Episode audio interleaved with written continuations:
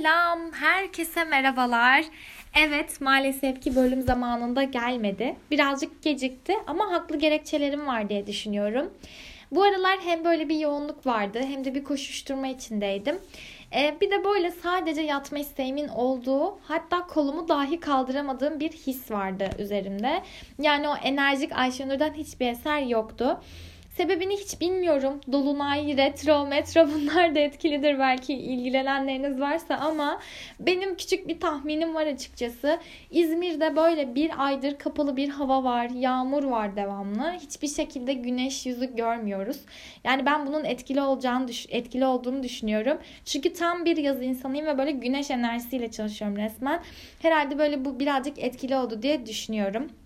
Neyse girizgah böyle bir uzadı ama bir iç dökesim de varmış size uzun zaman geçtikten sonra. O yüzden ilk olarak beni böyle bir, bir dakika iki dakika dinlediğiniz için teşekkür ediyorum sevgili dinleyenlerim. Ve buraya kadar bana tahammül ettiyseniz artık uzamış beklenilmiş bu bölümün e, bu haftanın konusuna başlama zamanı diye düşünüyorum. Bu haftanın konusu yaşam çiçeği. Daha önce duydunuz mu ya da gördünüz mü? Bir düşünün bakalım. Çünkü anlattıklarımdan sonra eğer duyduysanız duyduklarınızdan çok ufacık bir şeyler olduğunu gördüyseniz de bu çiçeğe bu kadar anlamlı bakmadığınızı düşünüyorum. Yani ve siz de bunu anlayacaksınız diye tahminde bulunuyorum. Peki o zaman yavaştan şöyle bir girizgah başlayalım. Yaşam çiçeği iç içe geçmiş eşit alana sahip çok sayıda çember ve dışında bir büyük çemberden oluşan geometrik bir şekil. Bu podcast'in kapağındaki e, çerçeve aslında fotoğraf ne derseniz artık bu. Yaşam çiçeği yani. Her bir çemberin merkezi çevresindeki altı çemberin çevrelerinin kesiştiği yerde. Ya hayal edin ya da direkt açıp bakın diye söylüyorum. Şöyle bir anlatmış olayım dedim. E, tabii yaşam çiçeği sadece bu şekilde değil. Yaşam çiçeğinin belirli varyasyonları, farklı anlam ve önlemi var. Örneğin yaşam tohumu daha tekil bir çiçek. E, bu daha tekil bir çiçek olduğu için tasarımı yaratan üst üste binen 7 daireden oluşuyor. Birazdan bahsedeceğim. 7 yaratılışın 7 günde olduğunun sembolü aslında bu. Yine yaşam meyvesi var. Yaşam meyvesi ise klasik yaşam çiçeği sembolünden seçilen 13 daireden oluşuyor. Bu şeklin evrenin temel bir tasarım olduğu söyleniyor ve aynı zamanda da Metatron küpünün geometrik temelini tutuyor. Birazdan bu küpten de bahsedeceğim zaten. Önce şöyle bir genel hatlarıyla bakalım. Tabii ki yine bu konuyla ilgili e, Dronulova Merseke'nin e, Yaşam Çiçeğinin Unutulmuş Sırrı diye bir kitabı var. Uzun ve derin araştırmalar sonucunda yazılmış bir kitap. Oradan bir alıntıyla devam etmek istiyorum. Diyor ki bir ağaç, sonra bir çiçek, sonra bir tohum varsa ve dünyada gördüğümüz meyve ağacının döngüsü geometrik şekillerle paralellik gösteriyorsa o zaman ağacın kaynağı mükemmel bir şekilde tohumun içinde olmalıdır diyor. Yani diyor ki özdedir diyor. Tohuma bakın diyor. Biz de az önce ne demiştik? Yaşam tohumunun aslında evrenin yaratılışını simgelediğinden söylemiştik. Simgelediğini söylemiştik. Sanırım o da buna değinmek istiyor. Yaşam çiçeği sembolünün çiçek olarak ifade edilmesinin tek nedeni çiçeğe benzemesi değil tabii ki de. Sembol çiçeğe benzemesinin yanı sıra meyve ağaçlarını da temsil ediyor. Bu da sembolü yaşam çiçeği isminin verilmesinin en büyük nedenlerinden bir tanesi. Ne dedik? İşte bu yaratılış döngüsü vesaire dedik. Yaşam çiçeği sembolünün ardındaki anlam yaratılış döngüsünün temsil edildiğine inanılması. Tüm yaşamın nasıl tek bir kaynaktan geldiğini betimliyor aslında ve kalıbın ortasındaki daireli de bunu temsil ediyor sahip olduğu simgeler ile tek bir yaratıcının varlığını atıf yapıyor. Dünyada sessizliğin dili ve ışığın dili olarak da biliniyor. Yaşam çiçeğinin içerisinde bulunan ilk 7 çember dünyanın 7 günde oluştuğunu simgeliyor. Yaşam çiçeği kutsal geometrik şekillerle de bağdaştırılıyor. Yani hem o bağdaştırılan şekiller hem de işte bu yaşam çiçeğinin şekli aslında bize bu görüntüyü veriyor diyebiliriz açıkçası. Ne dedik? Semavi dinlerde vesaire buralarda da hemen hemen hepsinde çiçek kullanılıyor. Yaşam çiçeğinin içinde ayrıca Platon'un 5 cismiyle Metatron küpü bulunuyor. Platon'un 5 cismi ve Metatron küpü ise evrenin varoluşunu inşa ediyor. Fizik ve kimya ile ilgisi olanlar belki bunlara çok daha hakimdir. Benim çok fazla bir fiziğe kimya ilgim yok ama en azından bunları okuduktan sonra bir tık daha işte e, ilgim arttı diyebilirim. Çünkü şöyle işte oluşumu, bu çiçekle betimlenmesi vesaire hoşuma gitti. Ama dediğim gibi ilgisi olanlar biliyorlardır belki ya da araştırabilirler. Burada atomlardan gezegenlere ve aradaki her şey için temel kalıplarla tüm yaşam için daha doğrusu bir plan olduğuna inanılıyor. Peki dinlere gelmeden önce nedir bu Metotron küpü ve Platon'un 5 cismi? Metotron küpünde geçen ve Platon'un 5 cismi dediğimiz yıldızlar var. İşte bu yıldızlardan bahsedeceğiz.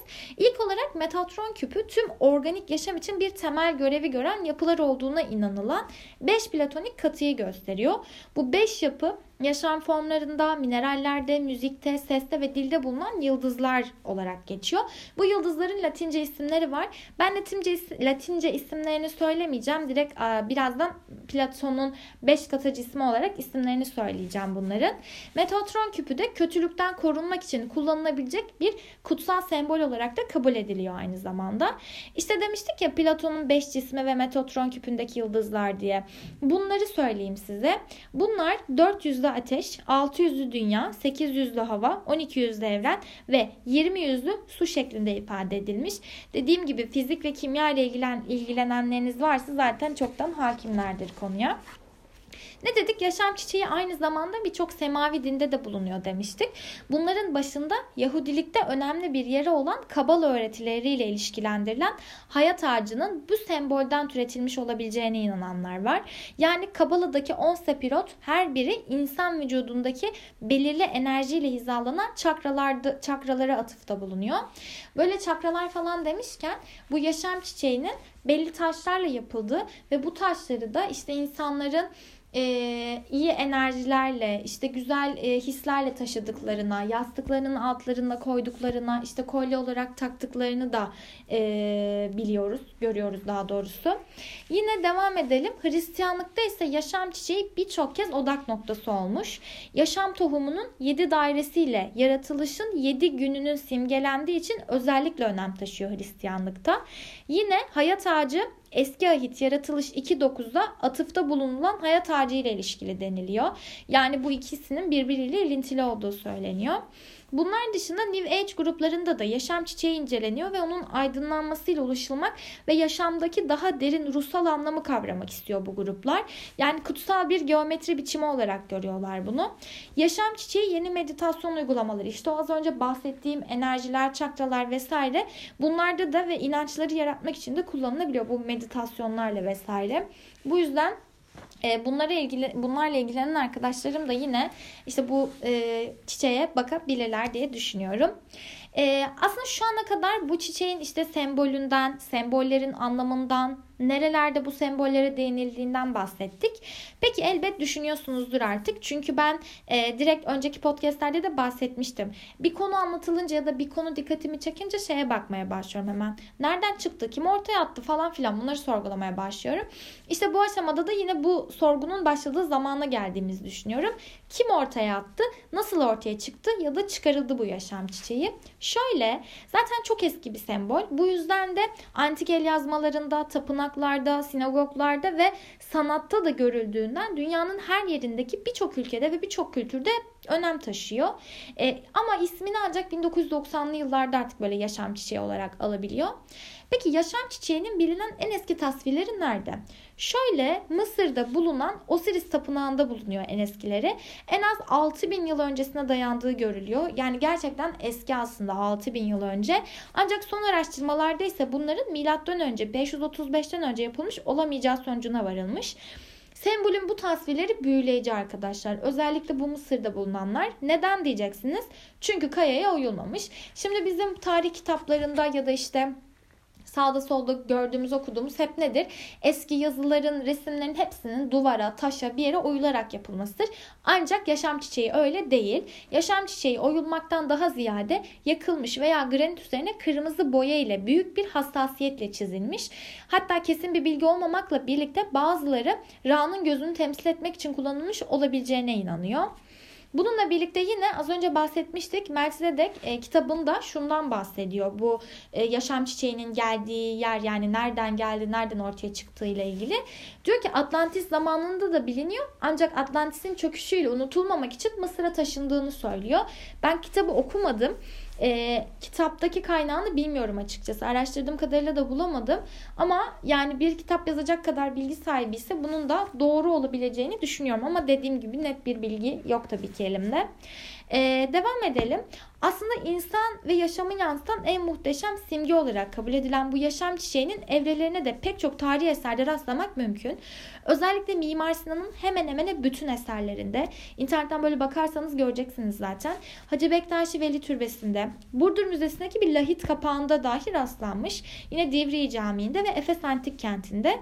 Mesela ben Efes'e gideli yıllar oldu. O zamanlar tabii bilmiyorum böyle bir şey işte yaşam çiçeği vesaire. Hiç dikkat etmedim. Tekrar fırsat bulup gidersem bakacağım ilk şeylerden biri bu olacak. E, dünyadan da örnek verelim. E, İtalya'daki Pompei şehri. Şimdi şöyle e, Pompei şehri zaten önemini biliyorsunuzdur hepiniz. Hatta belki bir, bir, birkaç podcast sonra böyle bunu da anlatabiliriz. Bence gerçekten anlatılmaya değecek bir konu. Şimdiden aklıma yattı. Siz de fikirlerinizi söyleyebilirsiniz olur mu olmaz mı diye. Neyse Pompei şehrinde de rastlamak mümkün. E, burası da benim mutlaka gitmek istediğim yerlerden. Gidenleriniz varsa çok şanslı. Özellikle yaşam çiçeğine bile dikkat ettiyse gerçekten harika. E, ama eğer gitmeyenleriniz de varsa gittiklerinde yaşam çiçeğine dikkat ederler. Hatta dikkat ettiklerinde beni ve bu podcast'ı da hatırlarlar diye düşünüyorum. E, görmeyi de ihmal etmesin tabii yaşam çiçeğini. Peki son olarak bir de e, Leonardo da Vinci yaşam çiçeği modelini incelediği ve sembolün 5 platonik katının yanı sıra fi'nin altın oranı da türettiği biliniyor. Yani söyleniyor. Böyle bir iddia ortaya atılmış. Yine doğruluğu bilinmeyen böyle bir dedikodu diyelim.